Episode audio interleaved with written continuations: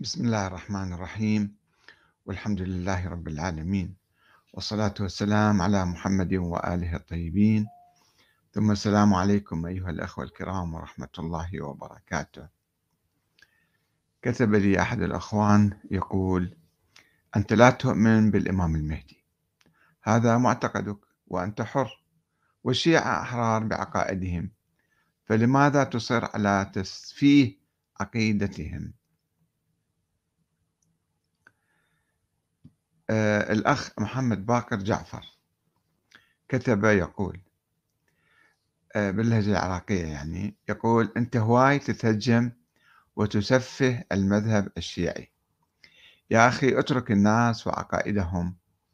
الشيعة يعتقدون بالإمام المهدي وأنه غائب ويظهر آخر الزمان يملأ الأرض قسطا وعدلا.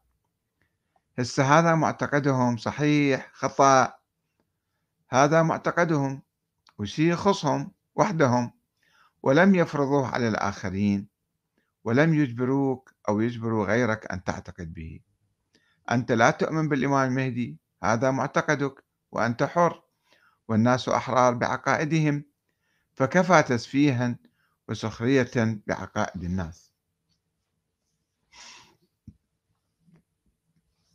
آه، بالحقيقة أنا لا أسفه آه، عقائد الشيعة أنا أتمنى أن أكون سائرا على خط أهل البيت ومواليا لهم ومطبقا لتعاليمهم. المذهب الشيعي آه، مذهب أهل البيت الحقيقي مجهول ومطمور تحت الركام في الحقيقة.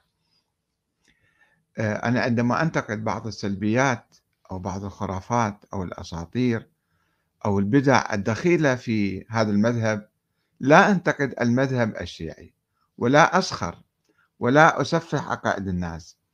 إنما أدعوك يا أخ محمد جعفر محمد باقر جعفر إلى أن تدرس مذهب أهل البيت دراسة دقيقة وعلمية وشاملة. إذا كنت تحب مذهب أهل البيت أنت وتحب تدافع عنه فادرس مذهب أهل البيت جيدا. ما يجوز أنت تقلد ما ورثته من آبائك وأجدادك أو المجتمع اللي آه، فيه عقائد منتشرة في بعض الأفكار منتشرة. إحنا ننتقد الأفكار الدخيلة التي شوهت مذهب أهل البيت وأبعد وأبعدت الناس عن مذهب أهل البيت. يعني أنت يمكن تعتقد الناس يمكن كثير من الناس يعتقدون أن ما يحملوه من أفكار ونظريات هي هذه نظريات وآراء أهل البيت عليهم السلام ولكن هذا مو حقيقة هذا مو صحيح. فإحنا ننتقد الأفكار المغالية الخرافية الدخيلة في تراث أهل البيت. ما أعرف أنت وين بالعراق مثلا لو كنت في البصرة ويجيك نهر آه، الفرات ودجلة مع بعض ويسوون شط العرب هل تستطيع أنت في البصرة تغرف من هذا المي وتشرب؟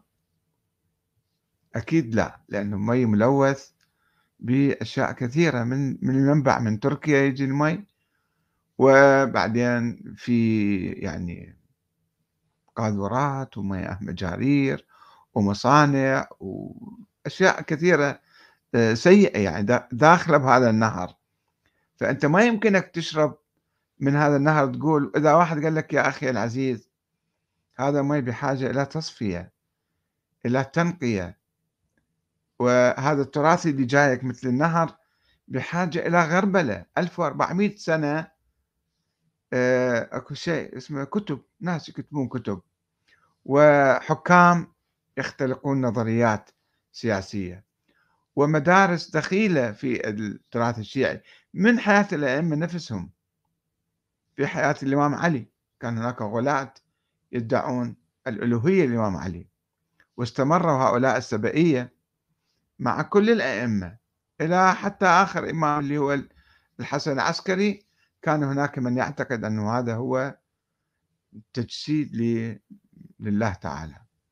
فيغالون يسموهم علي اللهية حتى الآن موجودين. يعتقدون بألوهية الإمام علي وألوهية الأئمة.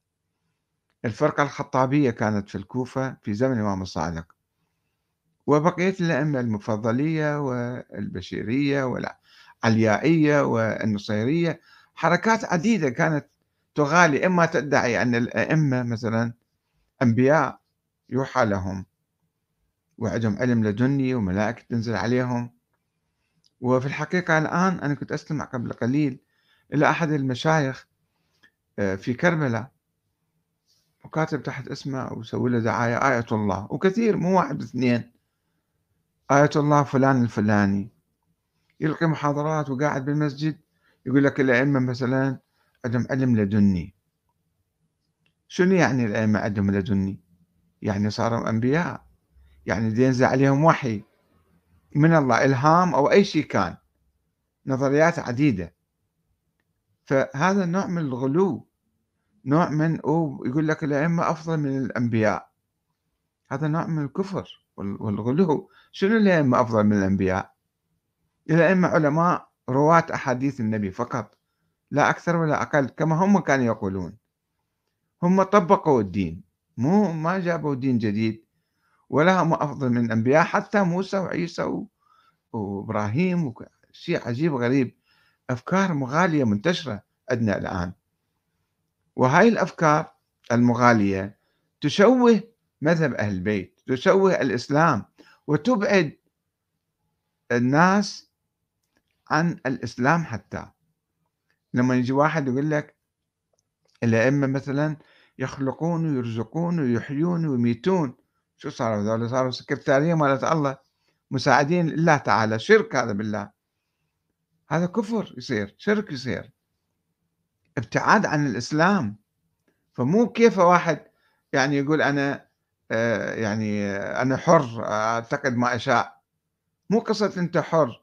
أنت إذا كنت فعلا مسلم وتحب أهل البيت وتوالي أهل البيت وتدافع عنهم ادرس عقيدتهم. مو العقائد المغالية المنحرفة. سبعين فرقة كانت في القرن الثالث الهجري. الشيعة كانوا متفرقين إلى سبعين فرقة. وبعدين تفرقوا إلى فرق أخرى أكثر فأكثر. فهذه مو عقائد الشيعة يا أخي العزيز. نحن ندعو إلى التشيع الصحيح تشيع لأهل البيت وفكر أهل البيت. وهذا يحتاج دراسة يحتاج مع الأسف الشديد بالحوزة ما يدرسون هالأشياء يلتهون بالنجاسة والطهارة والحيض والاستحاضة مقضين عمرهم بهالمسائل والقضايا العقائدية ما يدرسوها أصلا. ولا يبحثوها حتى مراجع الكبار. السيد الخوئي مثلا روحوا شوفوا شنو باحث في حياته. هاي كتبة موجودة. كان مجتهد في الرجال مجتهد في الأصول ومجتهد في الفقه. ويمكن كاتب له في الجزء في تفسير القرآن. ولكن في العقائد ما عنده أي بحث. لذلك الآن في موقعه اللي ناشرين عنه أنه يؤمن الأئمة كانوا يرزقون ويحيون ويموتون عندهم ولاية تكوينية. يعني شنو صاروا مساعدين لله يعني؟ هذا كفر هذا هاي من نظريات الغلاة الدخيلة في الحوزة. الحوزة مبتعدة عن مذهب أهل البيت. الحوزة لا تمثل مذهب أهل البيت. هذا خطأ كبير. الناس يعتقدون والله ذول هم هم المراجع والمشايخ يعرفون مذهب أهل البيت ولازم نقلدهم. شو تقلدوهم؟ يستغلون الناس. فإذا نحن عندما نتكلم أولا نحن ما نسفح المذهب الشيعي ولا ننتقد المذهب الشيعي ولا نسخر من أحد. إنما نقول هناك نظريات دخيلة يجب أن نعيد النظر فيها. طيب لماذا نعيد النظر فيها؟ هو يقول إحنا أحرار وأنت حر بمعتقدك القصة ليست أنه أنا حر وأنت حر والناس أحرار. قصة إحنا نعيش في مجتمع. الآن أتحدث إليكم.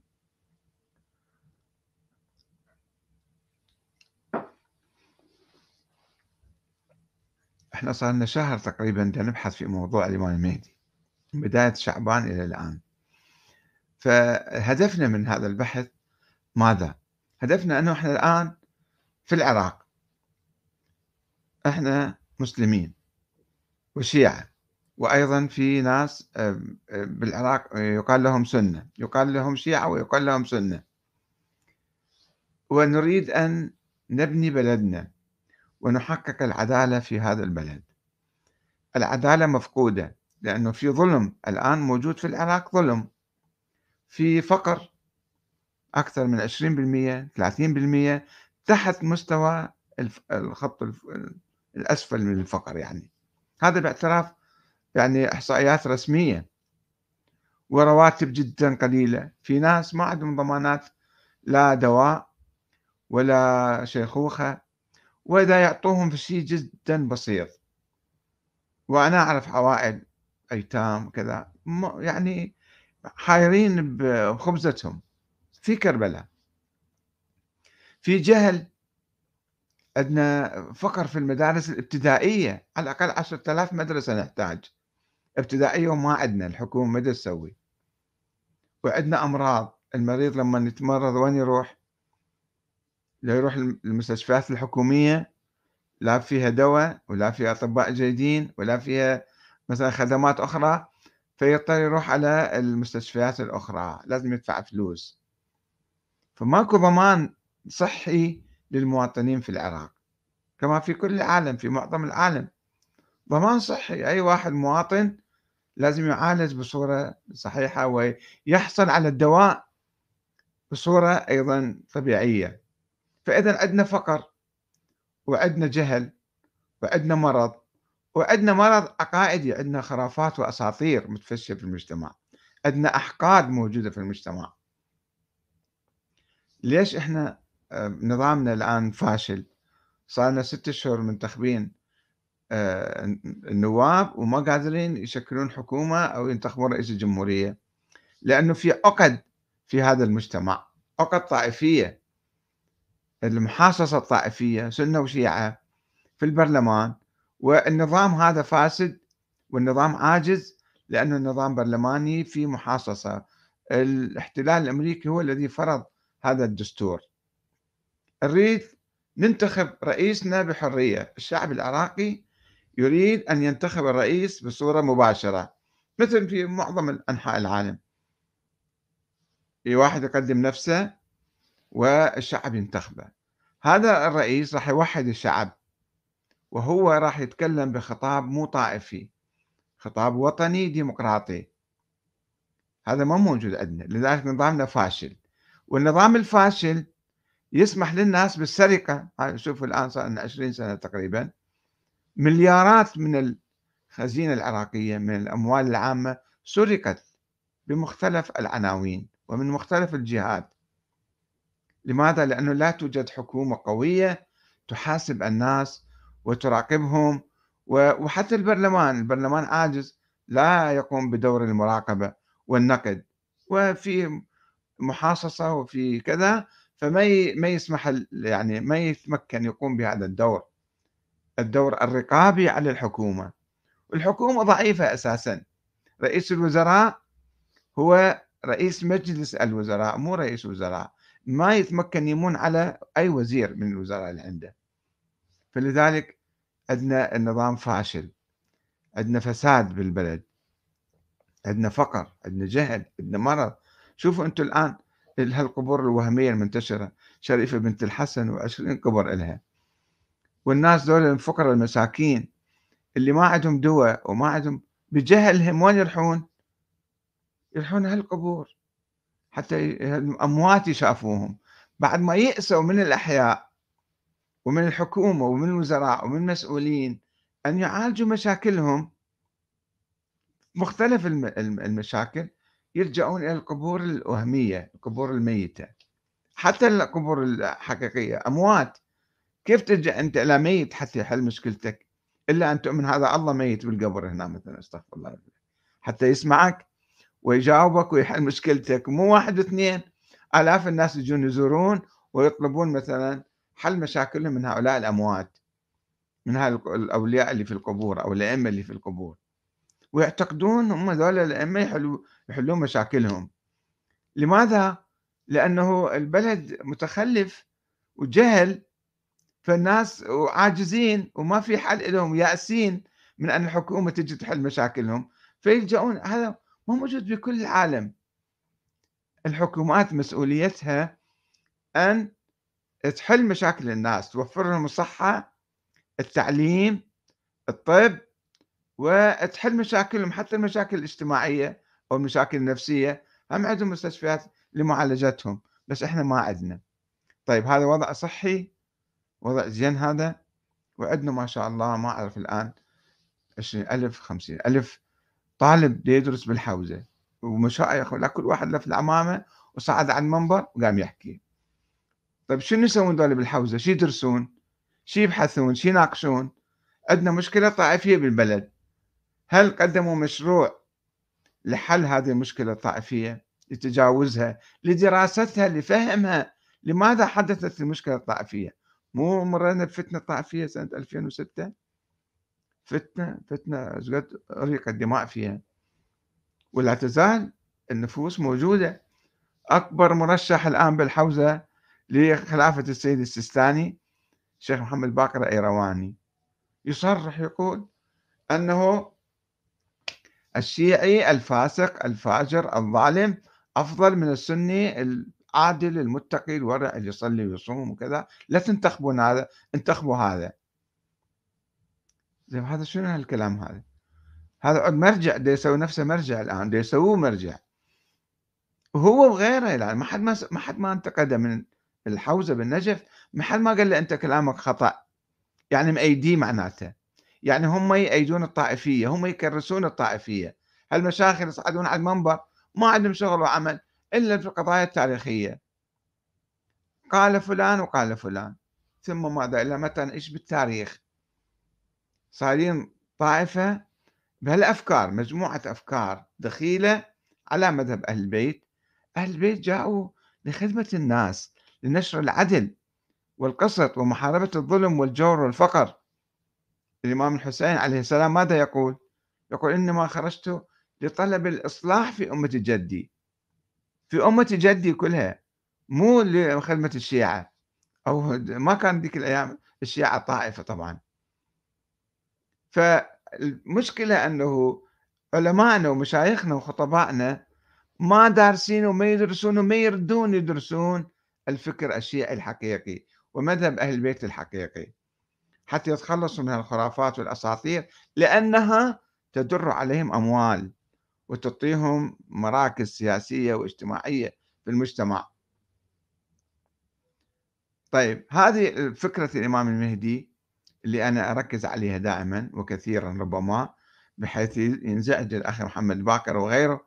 ينزعجون ليش أنت تصر على هالموضوع؟ كفى كفى دائما يقول لي أنت شنو يعني ما عندك قضية غير هذه؟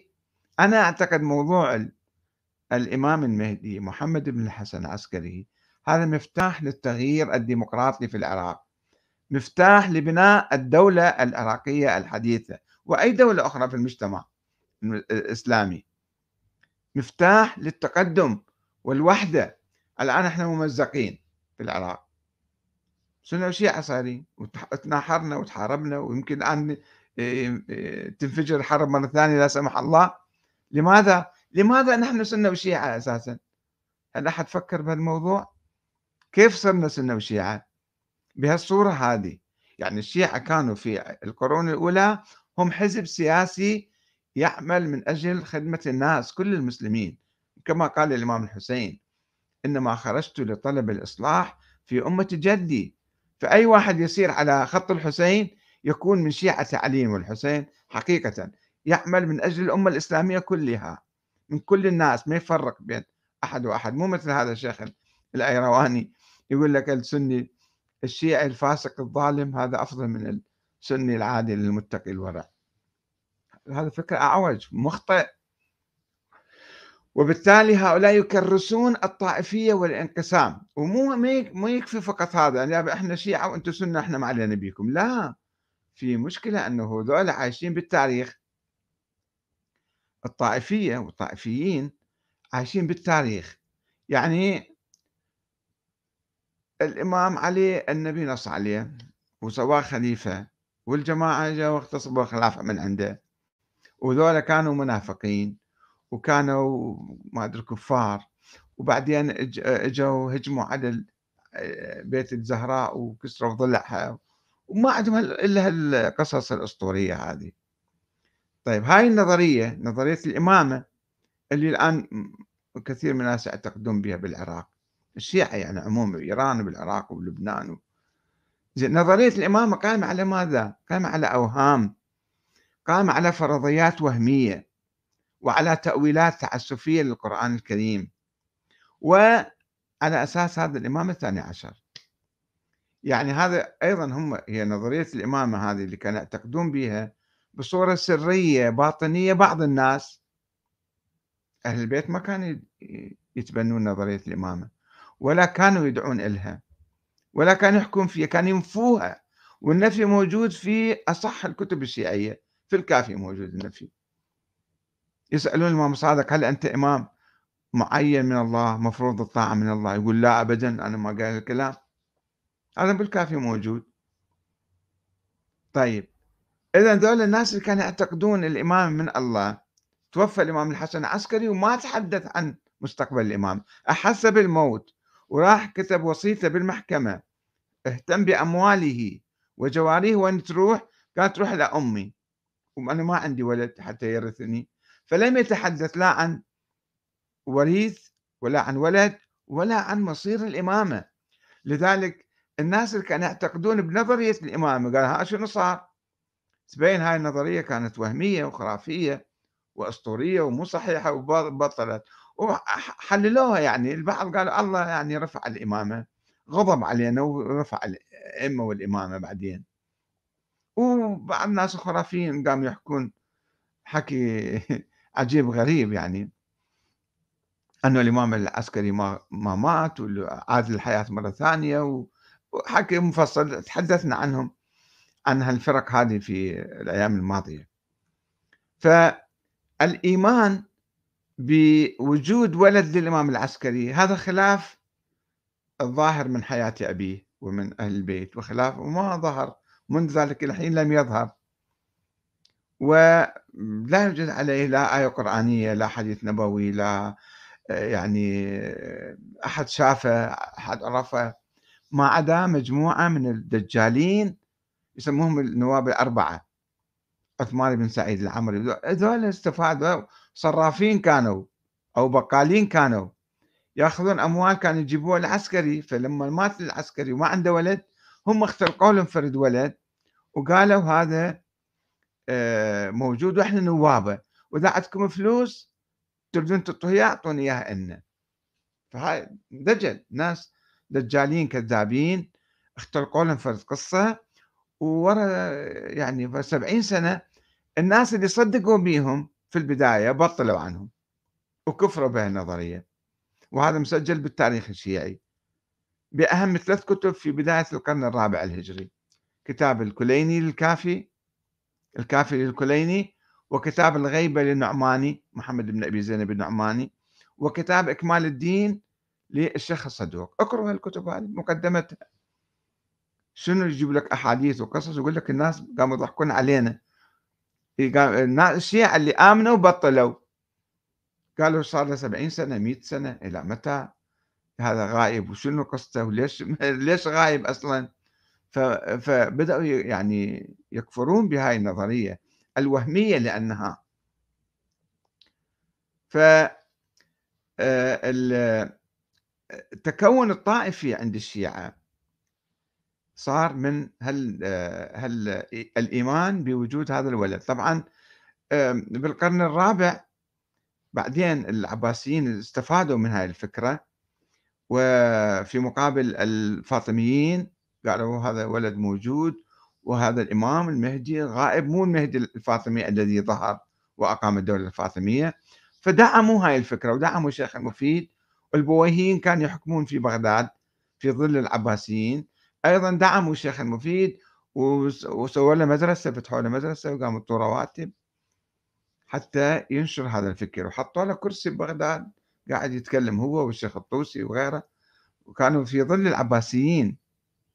العباسيين كانوا يدعموهم وهم يدعمون العباسيين في مقابل الفاطميين.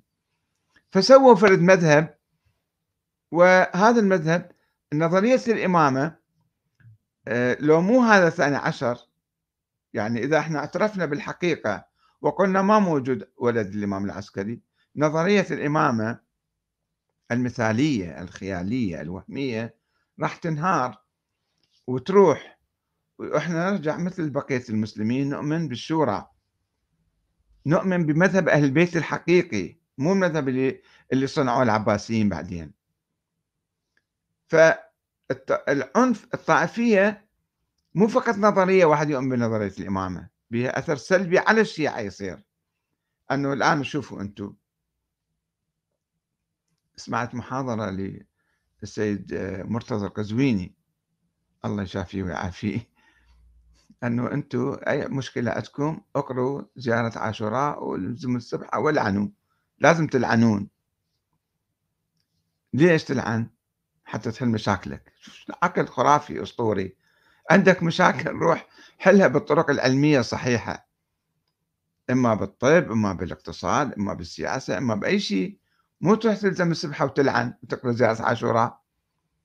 هذه الطريقة. بعدين هذا اللعن شو يسوي؟ يسوي حقد وعداوه مو بس على الخلفاء السابقين الذين اغتصبوا بين قوسين اغتصبوا الخلافة وإنما ضد المسلمين عامة المسلمين أتباع الخلفاء الراشدين. وأيضا راح يصير رد فعل على الشيعة إنه السنة يحقدون على الشيعة. هذول الشيعة ما عندهم شغل وعمل. مثل الآن بالإذاعات وبالتلفزيونات يسبون ويلعنون. وباليوتيوب هذول الشيوخ هذا الشيخ فاضل الصفار والشيخ ما أدري منه سيد الفلاني قاعدين ما عندهم شغل إلا القصص القديمة. فلان منافق وفلان مرتد وفلان كافر وفلان من قبل 1400 سنة. اهتموا بواقعكم بمشاكلكم بحياتكم. فراح يرتد. هذا الموقف العنيف راح يرتد على الشيعة ويصير كراهية وحقد وبغضاء وعداوة ويصير معارك بعدين. ويصير نار تحت الرماد في أي لحظة يمكن يصير انفجار. وشوفوا أنتم شلون يفجرون المساجد الشيعة في أفغانستان وباكستان وبالعراق وهنا وهناك بالكويت قبل كم سنة وبالسعودية. يعني هذولا أنا ما أبرر عملهم عملهم خاطئ. ولكن من يصب الزيت على النار ومن يدفع هؤلاء الجهلة والمتطرفين إلى معاداة الشيعة؟ شنو القضية على ليش يسبون الصحابة؟ طيب ليش يسبون الصحابة؟ لأنهم كانوا منافقين. اغتصبوا حق الإمام علي وراحوا والإمام علي راح والأئمة كلهم راحوا. يعني أنت إذا تجي تلوك هالقضية راح تعيد الحق الإمام علي إيش راح تسوي بعدين؟ هذه أول نقطة الطائفية. ليش أنا أبحث وأصر؟ نشوء الطائفية ومشكلة مزمنة عندنا الآن. يحتاج أن نقعد نفكر نبحث ندرس ونسأل أنفسنا لماذا يكرهوننا. الآخرون لماذا يكرهون الشيعة. مو قصة أنت حر مو أنت ماسك سبحة وبالتلفزيون. بالتلفزيون باليوتيوب الآن في كل مكان قاعد تسب وتلعن. وتستفز الناس وتخلي الناس يعني يرتدون عليك. هذا أول المشكلة الطائفية. أنا هدفي من بحث موضوع الإمام المهدي هو القضاء على الطائفية وتوحيد المسلمين. طيب من الأفكار الأخرى اللي أثرت آه، في الشيعة في الحقيقة أنه نظرية الإمام المهدي مو إمام مهدي مثل ما عند السنة. الإمام المهدي محمد بن حسن العسكري هذا عند الاثنى عشرية. وهو إمام معين من قبل الله معصوم طيب وموجود حي. كلها كلام أسطوري طبعا. طيب شنو شغلنا؟ إحنا شو نسوي؟ نروح ننام بالبيت. حتى يظهر هو. كل شيء ما يسوي. يعطلون الدولة والحكومة والثورة وكل شيء كان معطل ألف سنة.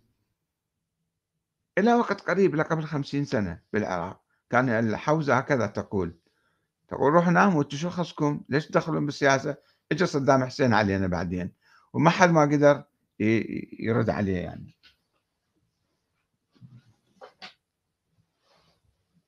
معذرة.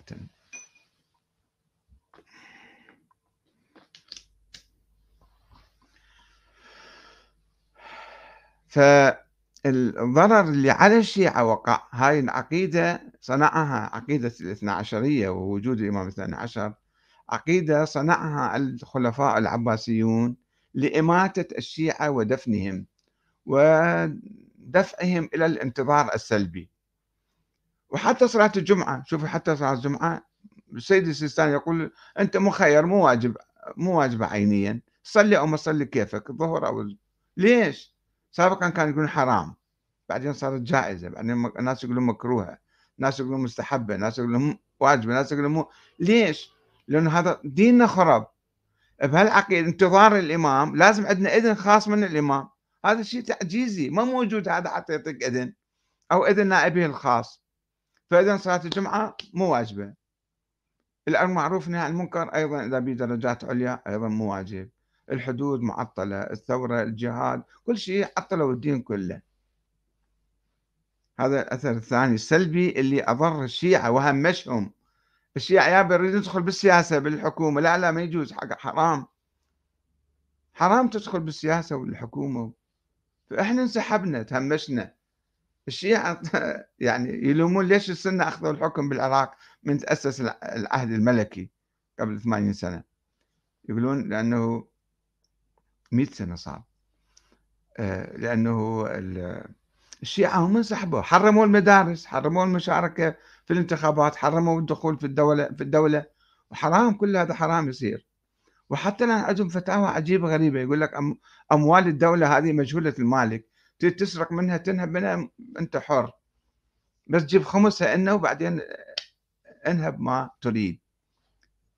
فتاوى تدمر الدولة وتدمر المجتمع. حتى الآن دولة مراجع النجف يفتون الشكل. زين صار عندنا فكر آخر بديل.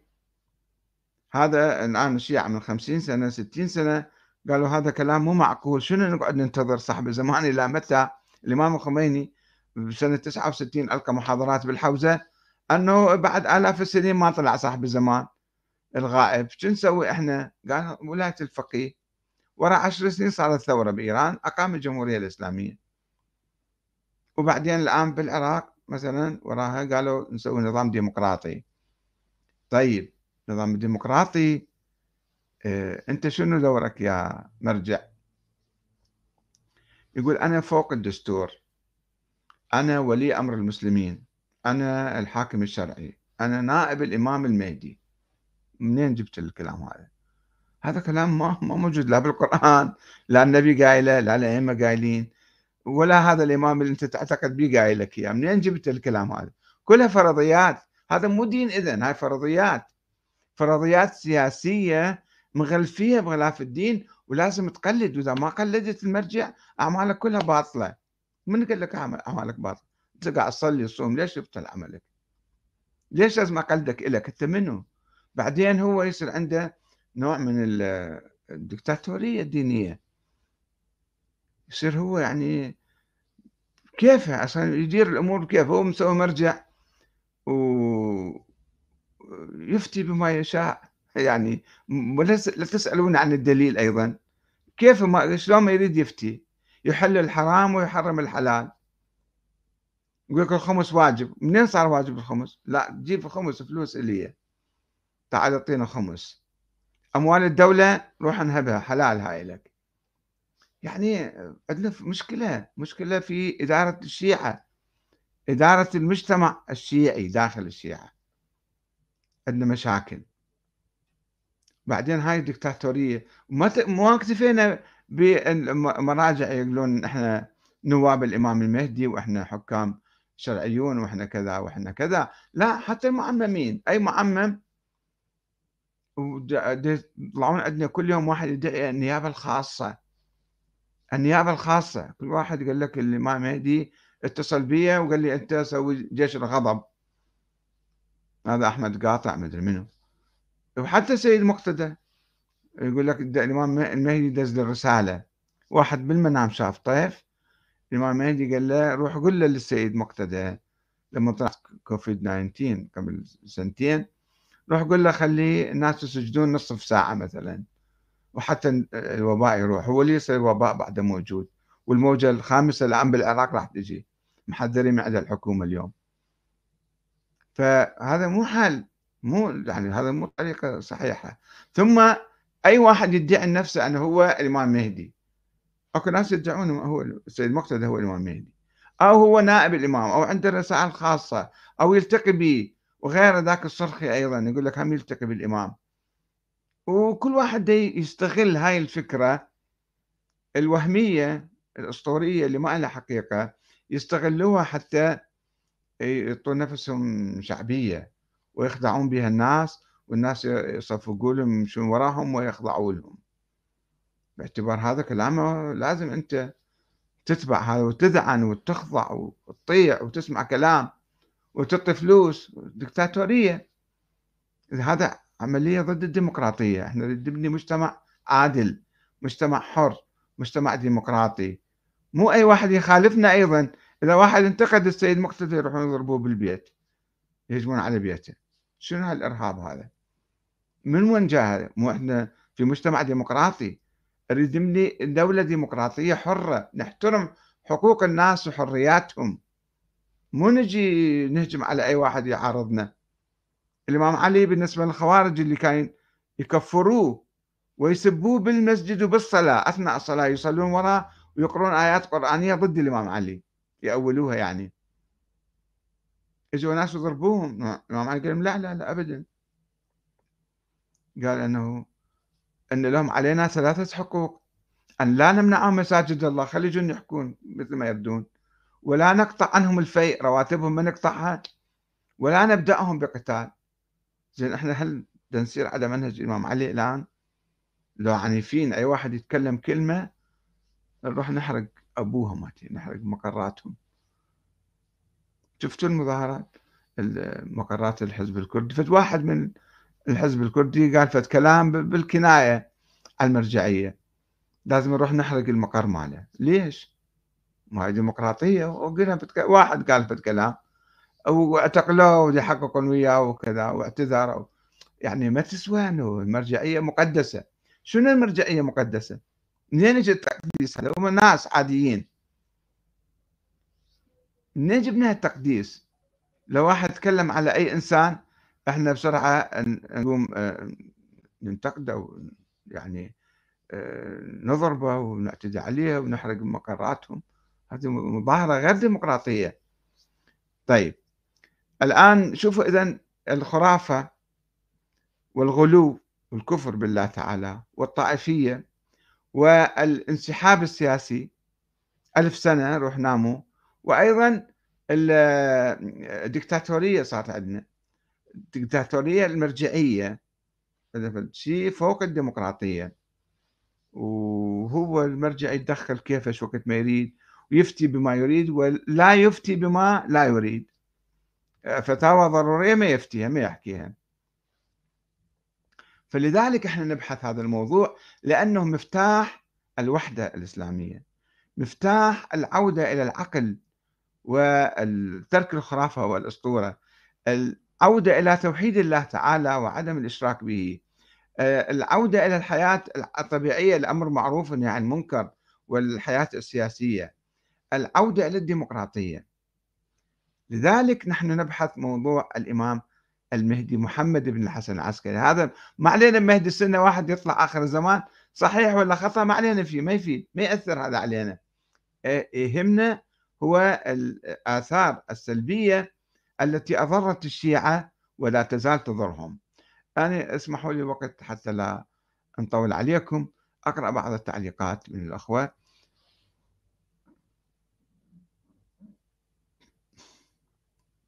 الأخ أو الأخت فاطمة سعد ترد على الأخ هذا محمد باكر جعفر تقول لازم يوعي الناس وما يتركهم في غفلة من أمرهم. لا تنسى هو باحث تاريخي بالمذهب الشيعي وهذا من اختصاصه. عبد الكريم قاسم الشرنخي يقول لكن الدين واحد والقرآن واحد والرسول واحد وعليه فيجب أن يكون المعتقد واحد. زياد عبد يقول بناء على كلام محمد باكر معنى ذلك على الإنسان أن يسكت على الغلط. مؤيد طاهر يقول المشكلة أن العقائد لها آثار اجتماعية كبيرة بغض النظر سواء كانت تلك الآثار سلبية أم إيجابية.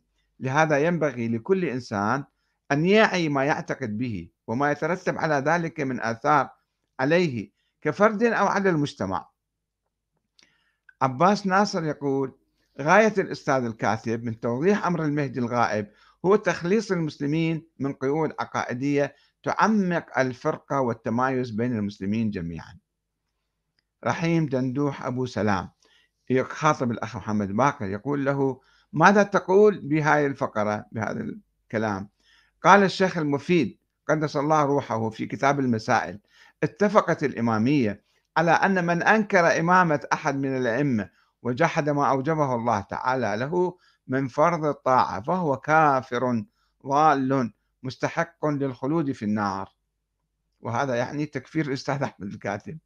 مو بس لك أحمد كل الناس. هذا التطرف هاي الطائفية هذا العنف. شوفوا من وين اجى من هالاسطوره اللي مآمنين بها وسوقها الشيخ المفيد. عبد الرحمن العبد الله. يقول جزاكم الله خيرا أستاذ أحمد. المشكلة أن هذا الاعتقاد يرتبط بحياة الناس. وتسليم الخمس وتحريم المشاركة السياسية قبل نظرية ولاية الفقيه وتحريم صلاة الجمعة عند كثير من الفقهاء. فالأمر ليس مجرد فكرة وهمية يمكن ترك الناس يلتجئون إليها وليس مثل مهدي السنة الذي لم يولد والذي لا يلزم الإيمان به أي عمل أو ترتيبات حالية. وغير هذا فإن من واجبنا التحذير من هذه الفكرة المخدرة من باب الأمر بالمعروف والنهي عن المنكر. كنتم خير أمة أخرجت للناس تأمرون بالمعروف وتنهون عن المنكر تدعون إلى الخير. وإلا لترك رسول الله الناس يعبدون ما يشاءون وكيف ما يشاءون. عباس الحلو يقول كيف يكون ذلك الذي أنفق المال؟ يريد هذا الشيء وإلا المال السحت ينقطع. عماد عباس العاني يقول طرح السيد الكاتب جريء وموضوعي وعلى منتقديه أن يردوه بالبراهين والأدلة لا أن يطلبوا منه السكوت. خليل الصبيحي يقول حتى وإن ثبت بالدليل أن أباه عقيما وليس له ولد كما دعم الشيخ أحمد الكاتب رأيه بروايات ومصادر تؤكد عدم وجوده. المشركون هم عبدوا الأصنام لتقربهم إلى الله. هل أقرهم النبي على ذلك؟ أياد الحسن يقول لا تنسى يا أخي يخاطب محمد باكر يعني. فدراسته وتوعيته وإرشاده يحتم عليه فهذه مسؤولية ولا بد من الأخذ فيها وعدم ترك الأكاذيب والتدليس والخرافات تطفو على سطح المذهب. ولا بد من معالجة الأخطاء ومعرفة المزيد. أنا شخصيا كنت أعتقد ذلك ولما بحثنا وتمحصنا وفكرنا بعقل ومنطق مع المطابقة والتوافق مع كتاب الله فلم نجد أي دليل يثبت ذلك يعني وجود المهدي وجود محمد بن حسن العسكري. بل وأكثر من ذلك اليوم وغدا وبعده كيف نؤمن بشيء لا وجود له؟ يعني النبي الكريم صلى الله عليه وسلم قبل نزول الوحي والتصديق بالرسالة والبعثة كانوا يسمونه الصادق الأمين. وعندما أبلغهم برسالاته ونبوته انقلبوا عليه. وأقاموا الدنيا عليه وحاربوه ونعتوه بشتى الأسماء والاتهامات. مع العلم هو من بني قريش وسادة بني هاشم ويعيش وسطهم ويعرفونه جيدا وكان أصدقهم وأفضلهم وكان يمشي ويأكل ويعمل ومع ذلك لم يؤمنوا به. فكيف نؤمن بشخصية وهمية خيالية؟ وإن كانت حقيقة فلا بد من وإن كانت حقيقة فلا بد من وجودها وثبوتها كالأنبياء والرسل. للتصديق والإيمان بها ومع ذكرها في القرآن ولها مقرراتها وتبعاتها واكتمالها بالنص القرآني. نسأل الله الهداية للجميع. آه، لحسين لحسين عفيف يقول الإشكال الذي يقع فيه البعض لا يكتفي بإيمانه بمهديه وانتهى. يحاول دائما إلصاق وتلفيق مهديه بالآخرين وعندما تواجهه بالدلائل مثلا تقول له مهديك سيفعل كذا وكذا. إذا ظهر سيقتل ويدمر ويفعل أشياء لا علاقة لها بالإسلام. يقول لك هذا غير وينكر. كريم حنش يقول عقول متحجرة آه، عباس الأنصاري. جوابي لك هو أن تعرف أن في لعبة سقوط الدومينو هاي اللي واحدة ورا الأخرى توقع. يكفي أنك تسقط أول قطعة ثبوت رأي الكاتب هو السقوط للدومينو الأولى التي ستتكفل بسقوط الباقي. لعلك تفهم قولي. علي العراقي يعترض. يقول أعتقد كلام الرجل يعني محمد باكر جعفر يقول واقعي وصحيح أنت لست نبيا لتصحح عقائد الآخرين. تؤمن أو لا تؤمن هذا شيء يخصك. طيب أخي العزيز ما إحنا عندنا بالإسلام. الأمر المعروف النهي عن المنكر. إذا شفت عقيدة أو خرافة أو أسطورة قاعد تفرق المسلمين وتدفع بهم إلى الشرك بالله تعالى وتؤدي إما إلى الانسحاب السياسي المطلق أو الدكتاتورية المطلقة. وتسوي مشاكل بالمجتمع ما لازم أنت تتحرك وتفكر وتبحث الموضوع. لو تسكت خلي الأمور تمشي كما هي. الأخت زينب مهدي الحسيني تقول المهدي الذي ينتظروه ليقيم العدل بسيفه ويأخذ ثار الحسين قد يكون مجرد فكرة أسسها معارض معين وانتقلت إلينا عبر العصور وبالإمكان لشخص ما استغلالها ليلحق الأذى والدمار بمن يخالفونه بعنوان إقامة العدل والقسط والمنادي في مواسم عاشوراء بيالات يا لثارات الحسين يؤجج المشاعر ويجهزها للوقت المناسب. الأخت أيضا ليلى آه، شحادة تقول لا يوجد عدل مطلق على الأرض. آه، فيصل بو فاطمة يقول موضوع الإمام الغائب هو أساس المذهب الاثني عشري والأستاذ أحمد الكاتب بأطروحته وبحثه يهدم هذا الأساس وما بني عليه وهذا يشكل خطرا كبيرا على المؤسسة الدينية. كمرجعية وشعائر وواردات مليارية من الخمس ناهيك عن السلطة والنفوذ. فمن الطبيعي أن يتم رفض أي فكرة تهدد هذا البناء من قبل ساداتهم وكبرائهم. بل وأيضا الشيعي البسيط حتى وإن كان يعلم أن هذا البناء باطل بس يقوم يدافع من منطلق عصبي. ميلود لسمار يقول الدور الموكل لك مفضوح. طيب علي العجيل يقول إذا كان المعتقد أنه سيظهر آخر الزمان إذا لماذا في كل مجلس وكل خطبة وكل عزاء ننادي ونهتف عجل الله فرجه؟ آه، حسين ناصر. آه، هذا أيضا يدافع عنه محمد باكر. يقول كلام منطقي. أنت شو عليك؟ شو تقول للإمام لو كان ليس كما تظن؟ هسه خليه يطلع هو بعدين إحنا نجاوبه. آه، أحد الأخوان ما ادري كاتب باللغة الروسية ما شنو اسمه يقول أكيد هم أحرار فيما يعتقدون لكن المشكلة هو إقحامهم للمذهب في حكم بلد متعدد الأديان والطوائف. فنصف شعبه لا يؤمن بما يؤمنون. حتى لو كان كل الشعب الشيعي مثلا بالعراق. هذه النظرية تؤدي إلى الدكتاتورية. وشوفوا أنتم السيطرة على الشيعة داخل الشيعة أيضا في سيطرة. هذا المرجع وذاك المرجع وابن المرجع والقائد الفلاني والزعيم الفلاني وكله بس من الامام المهدي. ويأخذون الفلوس من الناس وما تعرف وين تروح. أعجوبة الزمان. يقول واحد مسمي نفسه أعجوبة الزمان. يقول ما نطق القرآن إلا حقا. هل انتهت صلاحية هذه الآيات؟ هل تبدلت سنة الله وانقطع الرسل في زماننا؟ هل تركنا الله للضلال المبين وحبس هداه عنا؟ هل نحن في زمان انقطعت فيه أخبار السماء؟ هل تركنا الله لأنفسنا الأمارة دون مرشد منه؟ نعم. نحن الآن في زمن مو من الآن من وفاة النبي صلى الله عليه وآله وسلم. أخبار السماء انقطعت. بعد لا يوجد نبي أو واحد مرتبط بالسماء آه، ينزل عليه وحي أو ملائكة أو كذا.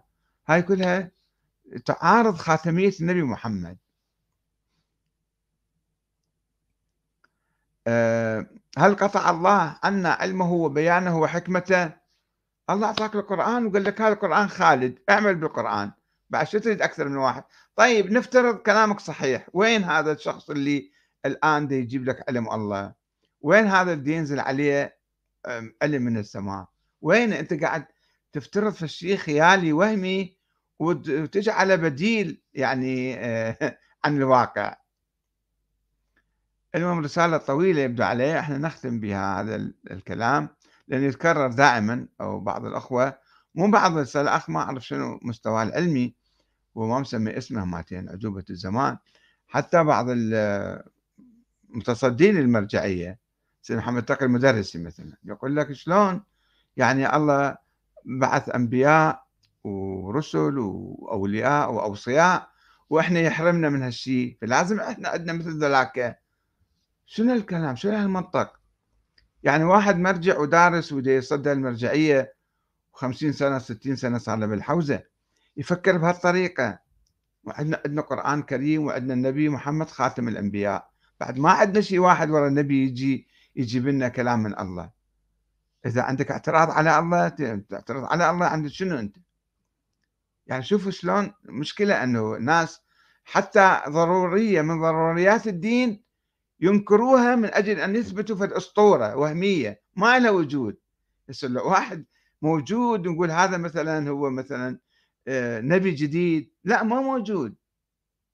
فهذه المشكلة التي آه، يعني تحدث مشاكل عديدة يعني مشاكل فكرية غلو آه، إنكار ضروريات الدين إنكار عدم تطبيق الدين السماح ب أكل أموال الناس بالباطل وما إلى ذلك. فهذا هو هدفنا من هذا البحث وإصرارنا عليه. وإن شاء الله الحمد لله الآن كثير من الشباب الشيعي بدأ يعي ويتفهم ويعني يفكر في هذا الموضوع. وإحنا ما نجبر أحد أنتم أحرار وإحنا أحرار. أنتم احرار صاعدين على المنابر يومية تدعون إلى هذا المهدي الغائب ونحن أعداء بالتعبير عن أفكارنا ونقول لكم هذا الفكرة مو صحيحة ومنافيه للتشيع ومنافية للإسلام ولا يوجد عليها أي دليل. والسلام عليكم ورحمة الله وبركاته.